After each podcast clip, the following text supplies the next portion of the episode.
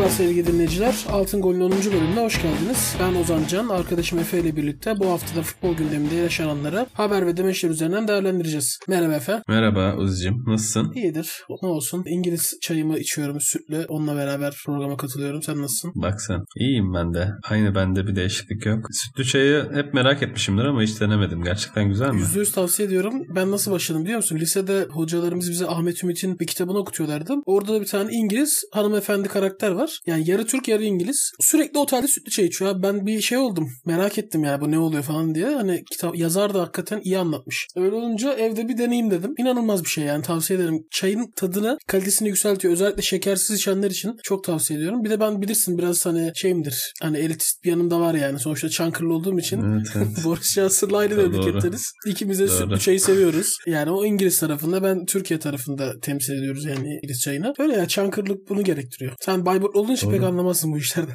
Yani Bayburt da fena değil aslında soyluluk konusunda ama Öyle mi diyorsun? ben kim var layık olamadım demek Şey ki. kim vardı?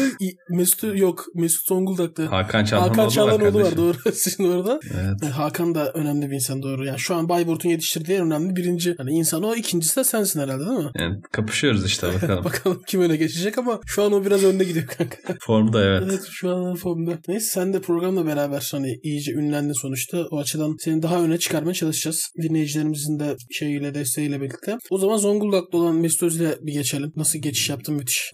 Adım adım Anadolu vallahi. Evet. evet. Çankırı'dan çıktığımız bir yola şu an Zonguldak'ta Mesut Özil'e devam ediyoruz. Kendisi Premier Lig kadrosuna alınmadı Arsenal'ın ve Twitter'dan bir açıklama yayınladı taraftarlar için. Demiş ki Mesut Özil Premier Lig'de forma giyemeyecek olmaktan dolayı büyük üzüntü yaşıyorum. 2018'de yeni sözleşme imzalarken sevdiğim kulüp Arsenal'da bağlılığımı gösterdim ancak bunun karşılığında olmaması beni üzdü. Artık öğrendim ki sadakat bugünlerde zor bulunan bir şey. Yakın zamanda kadroda tekrar yer bulabilirim diye her zaman pozitif kalmaya çalıştım. Bu yüzden şimdiye kadar sessizliğimi korudum. Mesut'a gerçekten çok üzüldüm. Yani sadakatsizliği böyle öğrenmesi beni derinden üzdü. Ne diyorsun? Açıkçası Mesut'un iki yüzlülük yaptığını düşünüyorum ben. Kaba bir tabirle. Evet. 2018'de sözleşmeyi aldığından beri eski Mesut Özil yok ortada. Bir şeyler sözleşmeyi alana kadardı gibi hissettiriyor. Yani Unai Emery şans verdi Mesut'a. Ara ara o da kesti ama oynattı. Bir iki maç sadece akılda kalıyor. Onun dışında hep sahada hayalet şeklinde geziyordu yani Mesut Özil. Arteta çok az şans verdi. Biraz katılıyorum ama yani Arteta da gördü bence Mesut'tan bir şey olmayacağını ve sahaya attığı birkaç maçta da gerçekten hiç verim alamadı. Bu zaten eski tip 10 numaraların kaybolduğu futbolda Premier Lig gibi bir tempoda bir de tembelseniz çalışmıyorsanız hiç şansınız kalmıyor. Ne kadar yüksek profilli olursanız olun. Yani Mesut da bunu yaşıyor tamamen ve hani kendine bir challenge yaratmaktansa başka bir yere gidip kariyerini devam ettirmektense oturduğu yerden parayı almayı tercih ediyor 2 senedir. O yüzden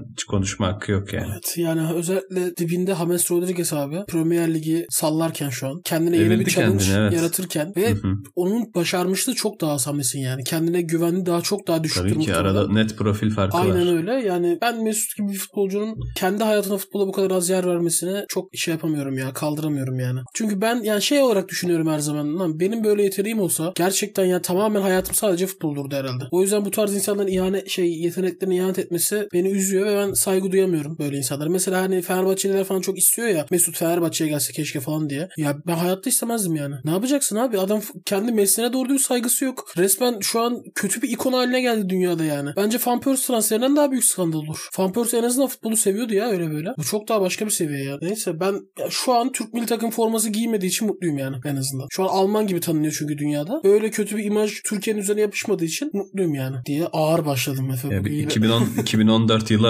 arasındaki Mesut'u falan başka. 16-17'de falan da. Türkiye'de olsa başka yere gelecek Yok ondan bahsetmiyorum ya karakter olarak abi çok yetenekli adam yani hayranlıydım Evet. ben Real Madrid'liyim zaten biliyorsun Real Madrid'de 2 sezonu 3 sezonu inanılmaz yani top İnanılmaz, seviyede Aynen. Milli takım performansı da çok tabii. çok iyiydi. Aynen öyle. Ya özellikle Almanya'nın bu süre. komple kadroyu değiştirdiği Dünya Kupası'nda 2010 Dünya Kupası değil mi? Orada 2010, Balak sakatlanmıştı. Orada Mesut inanılmaz bir seviyedeydi yani. Gerçekten hayrandım ama ya şu hala tavırları ya mesela bak Cenk Tosun da forma şansı bulamıyor. Ama kimse Cenk'e gidip böyle bir yafta yapıştırmaz yani anladın mı? Kendi yetersizliği ki. yüzünden oynayamayabilir ancak yani ama karakterinde daha doğrusu futbola bakış açısında bir sıkıntı yoktur asla yani. Neyse geçelim. Mesut futbola bu kadar vakit ayırmıyordur zaten bizim konuştuğumuz kadar. Efendim şeyi söyleyeyim sana. 10. bölüm oldu biliyorsun. Özel bir sayıdır futbolda. Onun şerefine Tabii. futboldaki en saçma 10 numara kullanılmalarını soracaktım sana. Aklımda kalan. Mesela En benim şöyle. on numara. İbrahimovic'in Paris Saint Germain'de 10 numara giymesi mesela skandal bir olaydı yani bence. Veya Felipe Melo'nun Galatasaray'da 10 numara olması bir zamanlar. O da korkunç olmuştu yani. Benim de aklıma o geldi. Başka var mı? Snyder'in gelmesiyle 3 numaraya geçmişti. Evet ama ilk sezon yine Yani şu an oynadı. şu an Samatta'nın 10 numara giymesi mesela garip. Yani kendi tercih ediyor. Milli takımda da e, Genk'te de giymiş ama Evet, yani hiç alakası yok. tamamen korkunç bir Tuhaf geliyor gerçekten göze. Genelde bu neyde oluyor biliyor musun? Mesela bir ülkenin sadece bir tane futbolcusu ünlüdür. O milli takımda abi o numara oluyor. bu tarz kullanımlar. Mesela Obi Mikel galiba Nijerya'da 10 Ha. numaralı formayı giymişti Aynen. yanlış hatırlamıyorsam. Mesela- Aynı aynı bu durum yani. Aynen öyle. yani ben bu tarz kullanımları pek kaldıramıyorum yani. Delikanlı gibi kardeşim yani 5 numara da güzel, 6 numara da güzel. Şey de mesela çok saçma. Giyan vardı ya şeyde hatırlarsın Gana'da. Aynen. Hı 3 hı. numara giyiyordu abi. O da rezalet bir kullanımdı Evet. yani. Gidip sol beke stopere vermek varken o numarayı. Ben bu tarz şeyleri gerçekten sevmiyorum. Herkes lütfen ait olduğu yerde kalsın yani. Ben de o garip numaraları sevmiyorum. İşte Wolves'ta Rui Patricio 11 giyiyor. Karagümrük'ün kalecisi Viviano 2 numara giyiyor şu an. Ay, Garip yani. şey. İnsan insan gerçekten tuhaf oluyor. Aynen öyle.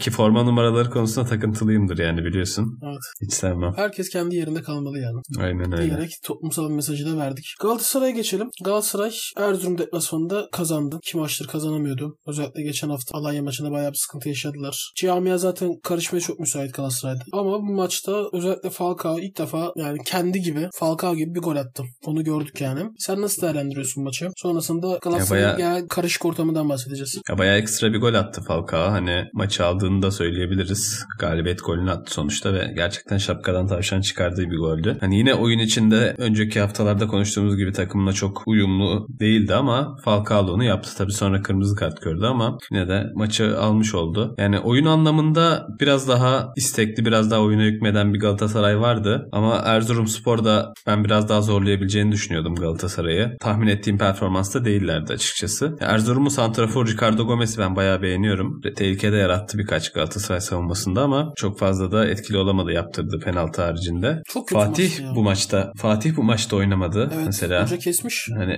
Geçen hafta evet zaten bir yani gel şey yaptı. Sinirlenmiş yani. Basın toplantısında falan da. Yani bizim yaptığımız eleştirilerin benzerini yapmıştı. Kesmiş Okan'ı oynatmış. Evet. Ya ben geldiğinden beri çok yakıştıramadığımı söylemiştim Galatasaray'a. Hani başta bir iki maç iyi maçlar oynadı ama son maç hakikaten çok tuhaftı yani. Geçen hafta da söylemiştim takım gol atmaya arıyorken böyle yaşadığı özgüvensizlikten dolayı oyunu soğutmaya çalışıyor gibiydi. Farklı bir dil konuşuyordu. Yani Okan'a dönmüş hoca. Bundan sonra nasıl olacak? Yani Muslera'ya dönene kadar kalede değişimler yaşanabilecek gibi Galatasaray'da. Sen o- Ya dediğin gibi sıkıcı bir maçtı. Okan'ın geleceğini nasıl görüyorsun? Onu merak ediyorum. Çünkü benim kafamda şöyle bir şey vardı. Ya genelde kaleci değişimleri takımlarda hani bir sakatlık da oluyor. Fenerbahçe'de mesela hep öyleydi. Beşiktaş'ta vesaire de öyle olmuştu. Yani hazır böyle bir durum varken madem bir kaleci oynatacaksın bari yatırım yapabileceğin bir kaleciyi oynatsan. Muslera geldikten sonra da belki kiralarsın yani bir sene eline falan. Sonrasında o kaleciyi emanet etsen. Hatta Muslera'yı teknik ekiple tutma gibi bir derdi de var. Bir isteği var Galatasaray'ın. Ya böyle bir yolla ilerleyemez miydi Galatasaray? Ya Göztepe'nin aldığı kaleciyi görüyorsun abi. Geçen hafta gördün yani. O tarz bir ismi Aynen. kadrosuna katamaz mıydı? Bence Okan'la devam edilebilirdi ama geçen sene son 8 haftalık periyodu çok kötü geçirdi Okan gerçekten. Çok hatalı goller yedi. Sanırım mental olarak çok hazır değildi Galatasaray kalesine geçmesine. Sürpriz de bir gelişme olunca aldığı şansı iyi değerlendiremedi Okan aslında. Okan'ın başarısız performansı belki de Fatih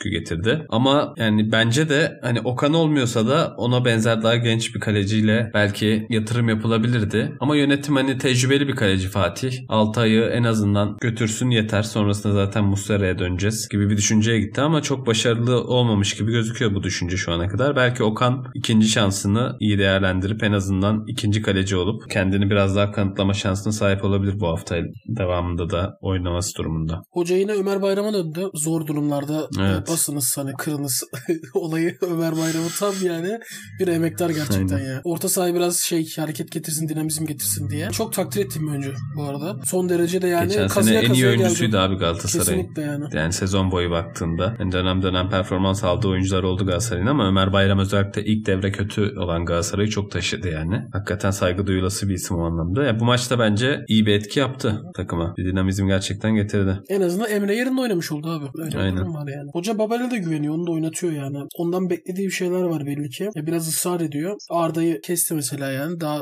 hani Babel'e döndü. Evet. Aslında çok anormal farklar olan oyuncular değil yani. Şimdi Fatih Terim'in maçtan sonra açıklamaları oldu. Aslında herkesin biraz düşündüğü ama açık açık söylediği şeyler Fatih Terim'in. Sadece her zamanki gibi isim vermiyor. Yani Fatih Terim'in klasik biliyorsun. Biz böyle, biz şöyle Evet. ama hani isim yok asla yani. Onu okuyayım. Ama ben. o huzursuzluğu ilk kez bu kadar net dile geldi. Evet, evet. Yani. Net şikayet yani.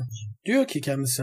Kaybettiğinizde suçlu tek kişi ama kazandığınızda kazanan herkestir. Bizde de böyle oldu. Şimdi ben defalarca Galatasaray ve Galatasaray taraftarından koparıldım. Hem de nasıl kopartıldığımıza çok açık. Sonrasında hakladığımız ortaya çıkmasına rağmen bir boş bir süreç yaşandı Galatasaray'da. Devamlılık çok daha başka başarılar getirebilirdi. O yüzden bu sefer gelirken Galatasaray taraftarına bir söz verdim. Normal olarak herkes benim karakterimin nasıl olduğunu bilir. Ben 2-3 senedir burada olan bir insan değilim. 50 senedir bu camianın içindeyim ve her geldiğimde bir şekilde Galatasaray taraftarından kopartıldım. Bir şekilde bu sefer gelirken onlara bir söz verdim ve bu sözü tutmaya çalışıyorum. Herkes benim neler yapabileceğimi bilmesine rağmen benim için asıl olan Galatasaray ve taraftarı olduğu için sabırla sessiz kalmaya çalışıyorum. Sarılmasın ki içeride ve dışarıdakilerin niyetlerini, hesaplarını, arkamdan planlarını bilmiyorum. Her şeyin farkındayım. Yine söylüyorum benim Galatasaray taraftarına sözüm var ama bilinsin ki kimsenin ne arkasında ne de yanındayım. Evet. Dudum. Yani daha ne desin? Ya buraya daha bir müzik falan vermemiz lazım. Ağır laflar gerçekten. Şey diyor Ünal Aysal Ya. kovdu beni diyor. Bak oyuna geldik diyor. Ya yönetimler gelir geçer A- taraftarın kalbinden kimse Fatih Terim'i silemez Terim- demiş yani. Hani bize yeter mi diyorsun? Aynen. Yönetimde bazı insanların net bir şekilde Fatih Terim'in arkasından iş çevirdiğini söylüyor. evet. Ben bunu anlıyorum yani. Mustafa Cengiz değil bence o isim. Yani bilmiyorum ama şu anda yönetimi gerçekten pek kale almıyor gibi Fatih Terim ve yönetimin değişeceğini düşünüyor.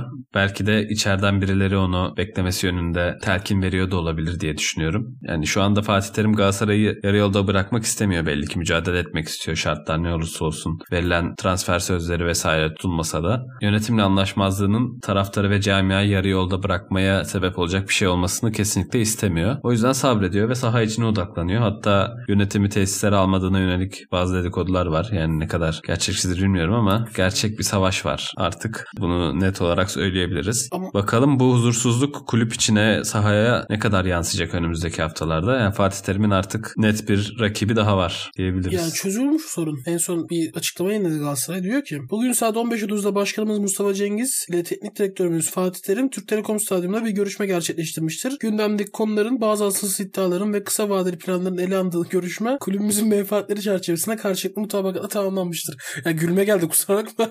Çünkü şey diyor. mesela diyor ki oturup asılsız Kısa iddialar mı vadeli plan. konuşmuşlar? Ya hocam bu da nasıl iddiaydı ya falan mı? Yani bunu mu konuştunuz yani?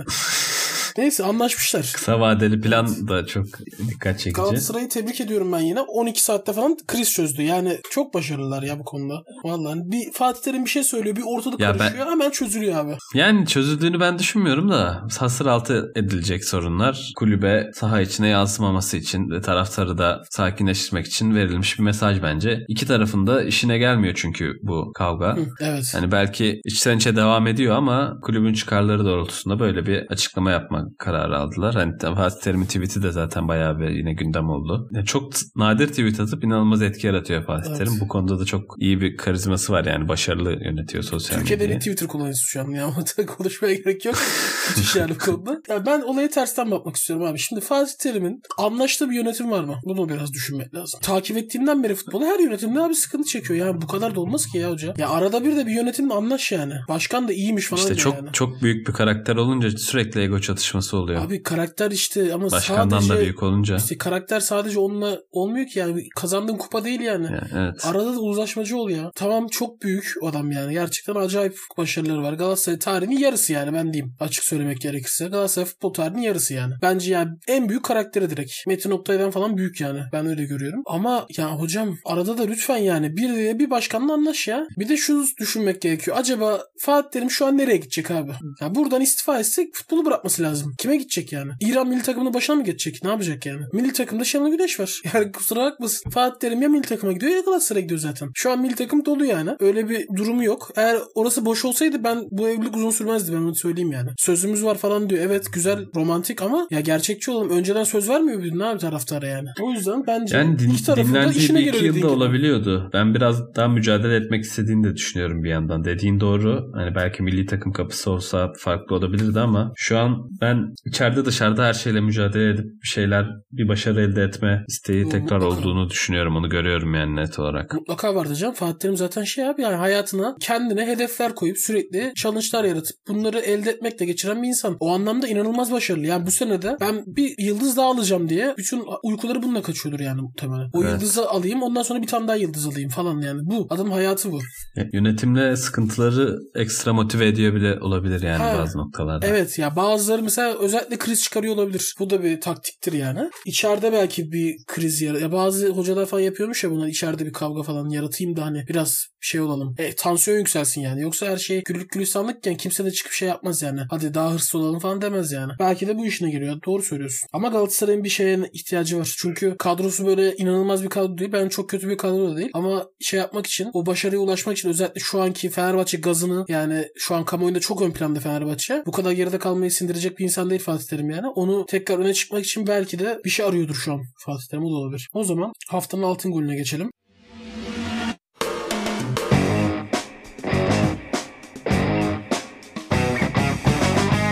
Haftanın altın golü Erol Bulut'un Trabzonspor maçında yaptığı hamlelerle derbiyi kendi takımına kazandırması. Önceki haftalarda şey konuşmuştuk hani hoca değişikliklerden sonra biraz Fenerbahçe düşüyor 2-3 maçtır diye. Bu hafta tam tersi oldu. Yani değişikliklere kadar Fenerbahçe gerçekten özellikle son 20 dakikası ilk yarının çok kötüydü. Ligin en kötü sekansıydı Fenerbahçe'nin bence. Sonrasında riskli bir değişiklik yaptı. Sosa'yı çıkarttı ve maçı kendi takımına doğru çevirdi bir anda. Nasıl görüyorsun? Siyahla maçı? beyaz kadar fark etti ilk yarı ile ikinci yarı Aynen. Fenerbahçe için. Ya gerçekten çok cesur bir hamleydi. Böyle bir maç maçta sahanın ana organizatörü, ana oyun kurucu Sosa'nın çıkması çok da kötü bir ilk yarı oynadı gerçekten. En yetenekli yani hiç abi. beklenmeyecek. Evet. Ya hiç beklenmeyecek pas hataları. Oyun planında da benim anlamadığım şeyler vardı. Hani bunun hoca ne kadar söyledi, ne kadar oyuncular inisiyatif aldı bilmiyorum ama yani sürekli bir uzun top. Hani Caner'in sürekli aldığı topu ortalaması çok gündem oluyor. Sürekli uzun toplara oynaması takıma bazı zararlar verdiği konuşuluyor ama Sosa da bunun bir benzeri şekilde oynadı. Hatta yer yer Gökhan Gönül. Yani bütün takım sanki ileride Peter Crouch varmışçasına sürekli uzun top atıyordu. Bu bir taktik de olabilir ama ikinci yarı bir şeylerin değiştiği kesin. Hem Sosa'nın çıkışıyla Papis Sisse girdi oyuna. Farklı bir plana döndü Fenerbahçe. E, oyunu gerçekten ön alana yıkmada çok net sonuç verdi bu hamle. E, duran toplarda gerçekten Fenerbahçe inanılmaz iyi başladı. Bu geri kalan ilk 6 haftada. Hücumda hala tam oturmamış noktalar var ve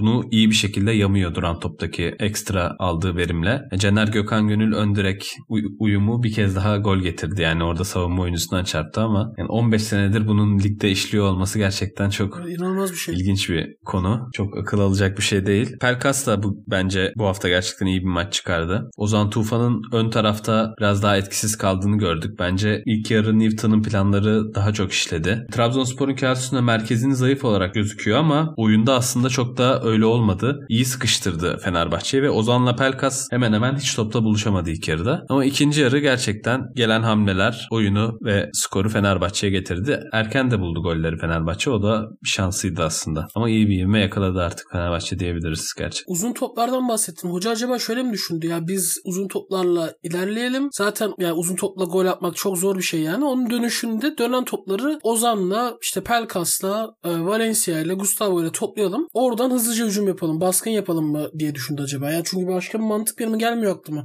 Ya sonuçta Caner'e Sosa'ya Gökhan'a da bunu hani kendi kendine yapmazlar diye düşünüyorum yani. Orada bir belli ki hoca direktif var. Ya bana da daha çok direktifmiş gibi geliyor ama yani çok anlam veremediğim için hani evet ikinci toplar bir plan olabilir ama yani Fenerbahçe'nin iç sahada oynadığı bir derbide ana planı bu mu olmalı ve ne kadar ona yönelik oyuncular var? Ya bence eğer plan buyduysa gerçekten hiç tutmadı ilk yarıda ve Samatta'yı da çok etkisiz hale getirdi bu. Yani hiç topla buluşamadı, hiç oyuna giremedi. Samatta, Samatta'nın genel olarak evet, top indirecek bir adam değil yani aslında. Özelliği o değil yani. Evet. Yani genel olarak onun da biraz daha oyuna girmesi lazım. İkinci yarıda da çok fazla giremedi. Yani Samatta tamamen maçın birinci dakikasından 90. dakikasına kadar golü düşünüyor şu ana kadar Fenerbahçe'de bulunduğu 3 maçta. Ve tek topta gol atıp atmak, ceza sahasına sızmak, doğru yerde topla buluşmak ana fikri her zaman. Bir golcülük için iyi evet ama daha fazla oyuna girmesi gerekiyor. Yani bu ligde santraforların oyuna katkısı çok büyük çünkü. Şu ana kadar o anlamda biraz yetersiz kaldı. Papis Sisse girdiğinde de biraz daha aslında hakikaten bu ligi bilmesinin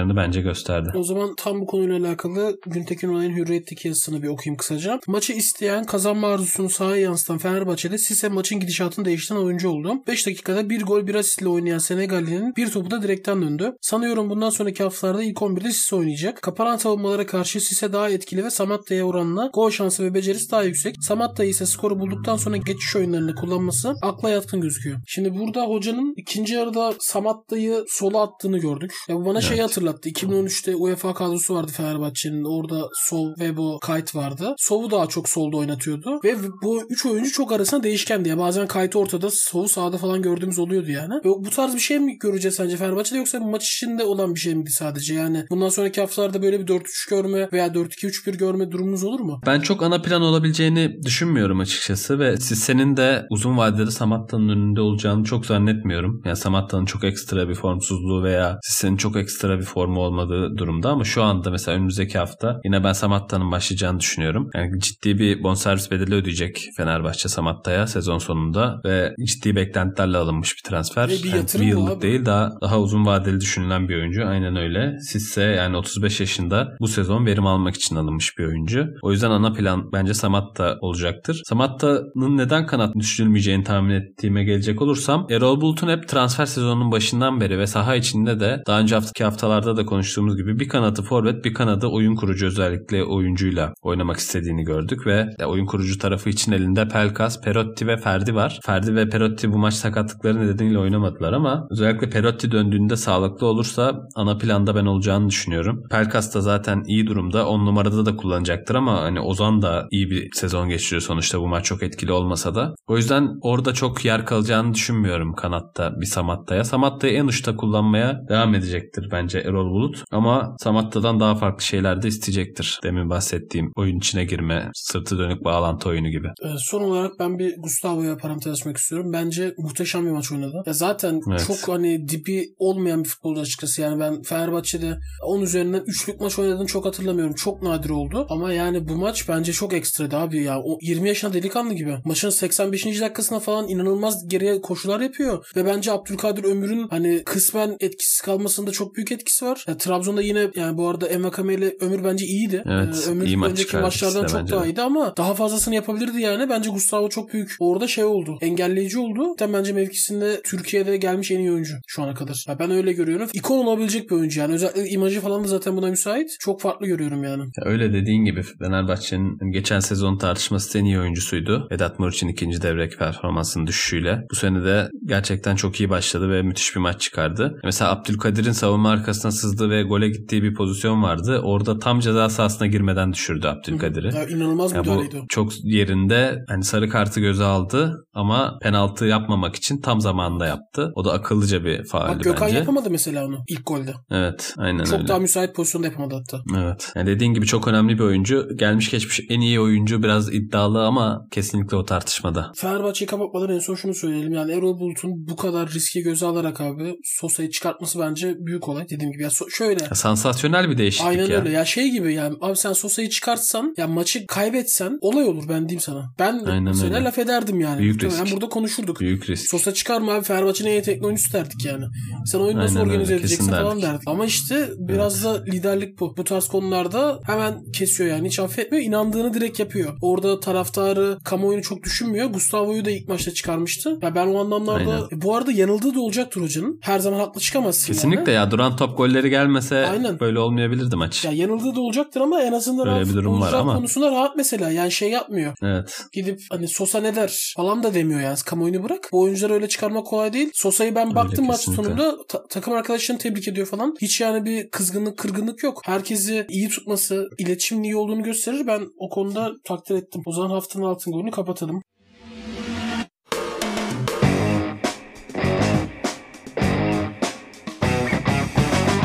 Beşiktaş maçına geçelim. Beşiktaş Denizli deplasmanındaydı. 3-2'lik bir galibiyet aldı. Biliyorsun önceki hafta milli takım arasından sonra Beşiktaş maç da yapmadı. Bay geçti. Şimdi burada Beşiktaş'ın önce maç önü Sergen Yalçın açıklamalarını okuyalım bir. Çok kısa. Dedi ki maç önünde lige kötü bir başlangıç yaptık. Şu an bunun sebeplerini konuşmamak lazım. Önümüze bakmalıyız. Aranın bize iyi geldiğini düşünüyorum. Yeni bir başlangıç yapmak, lige konsantre olmak istiyoruz. Hep beraber birlikte bu zorlu dönemden çıkmak istiyoruz. Gezal %60-70 kapasiteyle hazır. Rozier'in de antrenman eksiği yoktu. Onlarla başlamak istedik. Kenarda da iyi oyuncularımız var. Maçın gidişatına göre hamlelerimizi yapacağız dedim. Şimdi maçı değerlendirmek gerekirse ya 70 dakika özellikle çok ciddi bir Beşiktaş hakimiyeti vardı. Ya Denizli de inanılmaz etkisizdi. Onu da söylemek lazım yani. Ne oldu? 70. dakikada Josef'in son derece amatörce bir kırmızı kartı. Çok tehlikeli müdahale yaptı. Ondan sonrasında maç tamamen orada değişti. Yani Beşiktaş takımı da 3-0'ın verdiği rahatlıkla biraz hani çekileyim psikolojisine büründü hazır 10 kişi kalmışken. Öyle olunca ani yediği goller son dakikada da yediği ikinci gol maçın aslında çok da görüntüsünden uzak bir skor yarattı yarattı bence. 11-11 oynandığı dönemde Beşiktaş'ın mutlak bir hakimiyeti vardı. Abu Bakar'ı ben beğendim bu maçta. Atiba'yı çok beğendim. Hakikaten Atiba da yani Gustavo ile ilgili söylediklerimi söyleyeyim. Yani 25 yaşında gibi yani inanılmaz abi. Nereye koysun Tartışmada oynuyor. o da var kesin yani. Abi adam 6 numara oynatıyorsun inanılmaz oynuyor. 8 oynatıyorsun müthiş. Ya bu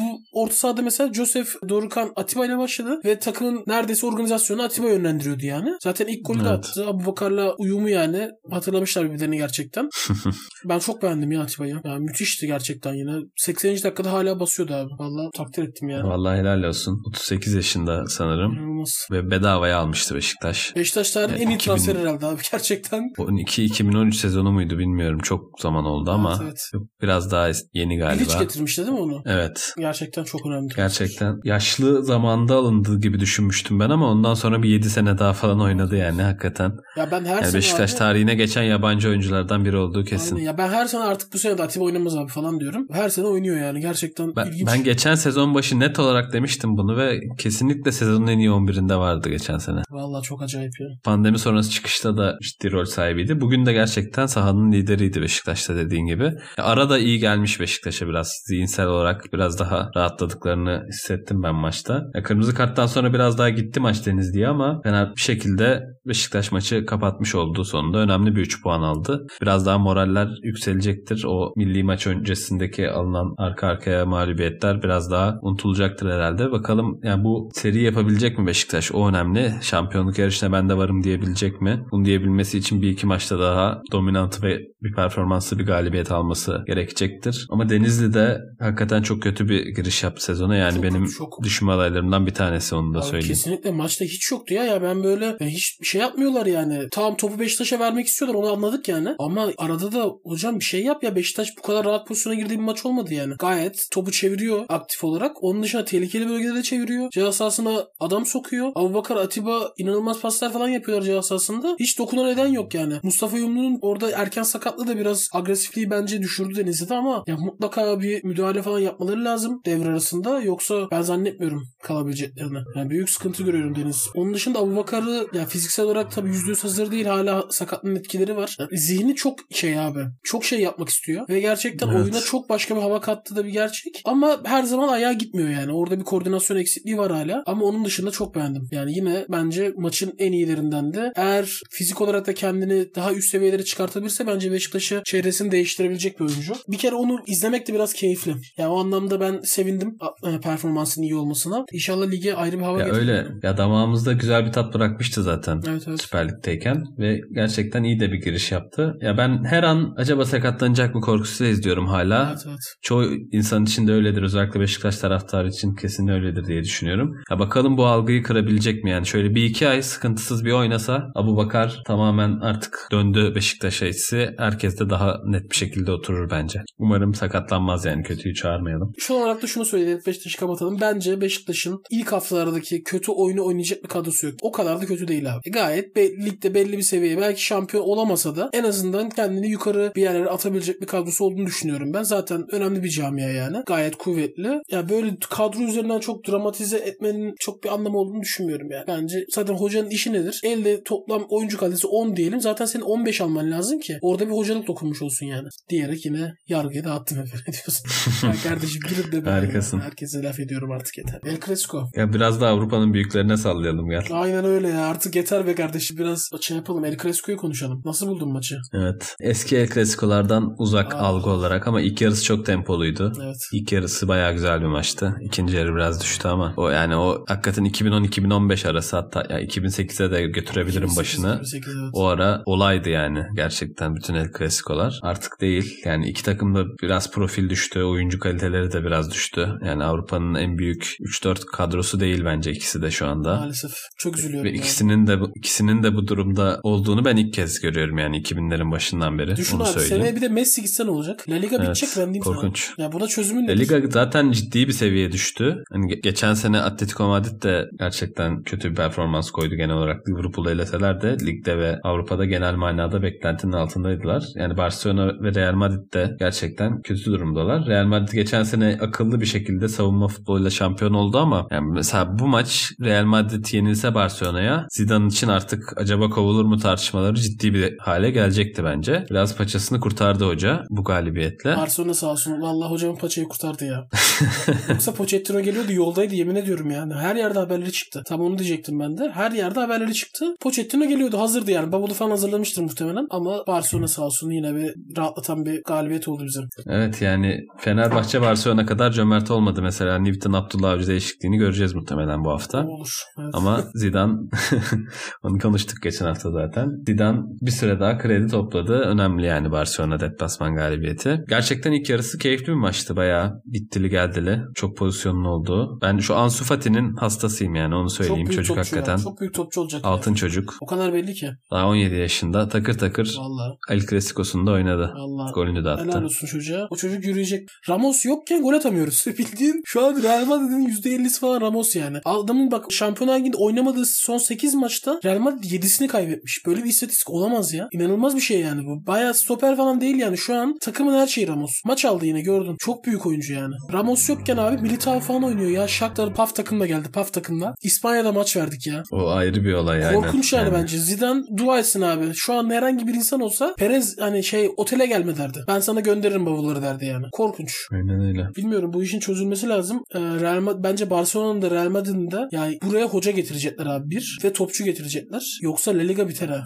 Premier Lig zaten şu an aldı gidiyor. Valla Premier Lig NBA oluyor yani. Aynen böyle olmaz abi. Bu futbolun keyfi böyle çıkmaz yani. Sadece Premier Lig izlemek istemiyorum ben. Bence eskiden daha güzeldi. Ben 2010'da falan izlediğim Real Madrid Barcelona maçları ya o zaman keyif yok yani. Ben üzülüyorum vallahi ya. Bunlar futbolun en büyük markaları. Kusura bakmasınlar Sheffield United değil de Real Madrid Barcelona izlemek istiyorum yani. Leicester şu an Barcelona'dan daha iddialı falan olacak yakında ya maalesef. Bari geçelim İngiltere'ye. Sinirlerim bozuldu efendim. Evet dönelim NBA'ye. Ben Premier Lig'ciyim biliyorsun artık. Liverpool Sheffield maçı vardı. Hazır Sheffield'a sövmüşken oradan devam edelim. Yok Sheffield Evet. tatlı takımdı gerçekten. Karşına aldın Sheffield United camiasını ama yapacak bir şey yok. Yani şey geçen senenin sempatik takımıydı. Bu sene skandal başlangıç yapmışlardı ama Liverpool maçına iyi başladılar. Liverpool'a bir stres yaşattılar yani. Az da 3 Evet. maç üstte kazanamıyordu. Nasıl gördün maçı? Ya gerçekten Sheffield en iyi maçını oynadı bu sene. Yani bir bundan önceki 3 maçlarını falan izlemiştim. Hakikaten bayağı bir zorladılar. Yani golü de buldular ve Liverpool'a çok da fazla şans vermediler aslında ilk yarıda. Yani Liverpool yine Liverpool tabii ki giriyor pozisyona ama hani iyi bir ilk yarı geçirdiler. Yani devamında maçta sıkışıyor gibiydi. Hakikaten Jota ekstra bir kafa golü attı. Salah'ın offside'den iptal edilen bir ya? golü var ki hocam. Neydi Nedir abi? ya? Gerçekten o gol Nasıl bir iptal olması kontrol, nasıl bir vuruş. Valla hiç sorma. FPL'de de kaptanım diye yalan oldu. Vallahi çok önemli. O yüzden. Salah bu arada çok Üzdü. büyük oynuyor ha. Ben söyleyeyim. Evet, Şu an evet, Liverpool'un çok en iyisi net yani. Güzel. Çok büyük Aynen. oynuyor. Çok büyük karakter koyuyor. Vallahi helal olsun. Aynen öyle. Fabinho'yu ne diyorsun? Ve Fabinho ya stoperde işi çok kolay değil. Hadi stoperi geçtim savunma lideri. Yani şu an Van Dijk'ın görevini o alacak gibi gözüküyor. Belli evet. Ya Matip de tekrar sakatlandı. Yani tek saf stoper Gomez kaldı elinde. Fabinho'yu mecburen stopere çekecek. Ya Fabinho da Gomez'e göre daha tecrübeli ve daha liderlik yapabilecek bir oyuncu. O yüzden o görevi üstlenecek. Yani işi hiç kolay değil. Ya bayağı bir sıkıntı yaşayacak muhakkak. Ama iyi sinyaller vermedi bence bu maç. Ya evet yani mesela Chelsea maçında Werner'i kapama rolünü vermişti Klopp Fabinho'ya. Yine stoperdeydi yanında Van Dijk varken. Ve muhteşem bir maç oynamıştı ama Sheffield maçında ciddi aks- aksadı yani dediğin gibi. Kolay değil. Evet. Ya en azından Everton'ın kaybettiği, City'nin berabere kaldığı haftada yani Liverpool kazanarak bir rahatladı bu anlamda.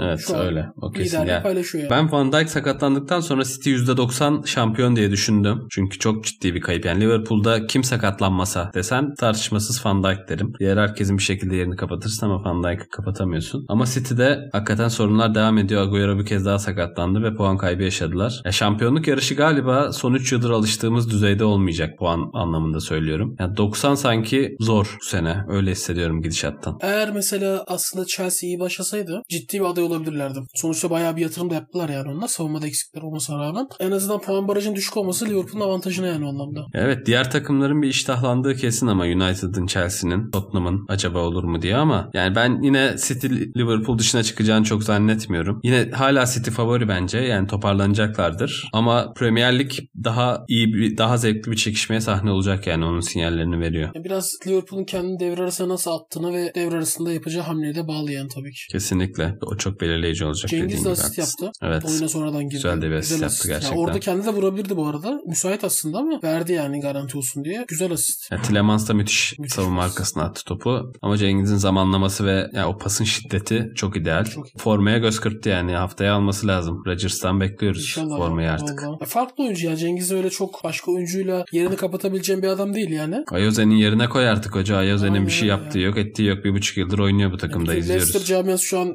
ellerini açtı Cengiz'i bekliyor kardeşim yeter artık yani. Allah Allah. Neyse yani Efe yine Türkiye'yi Avrupa'yı yani yerinden oynattık. Aynen. Muhtemelen Leicester camiasından Real Madrid camiasından bazı tepkiler alabiliriz. Ama Sheffield camiasından. Sheffield camiasından tepkiler alabiliriz. Olsun güzeldi yani. Biz alışkınız böyle şeylere. Evet. Teşekkür ediyorum yorumların için. Bu haftalık da Ben teşekkür Gol'ün- ediyorum. Keyifti benim için. Haftaya tekrar görüşmek üzere. Bu haftalık da Altın Gol'ün sonuna geldik. 11. bölümde yine haftaya sizlerle olacağız. Programımız bitti.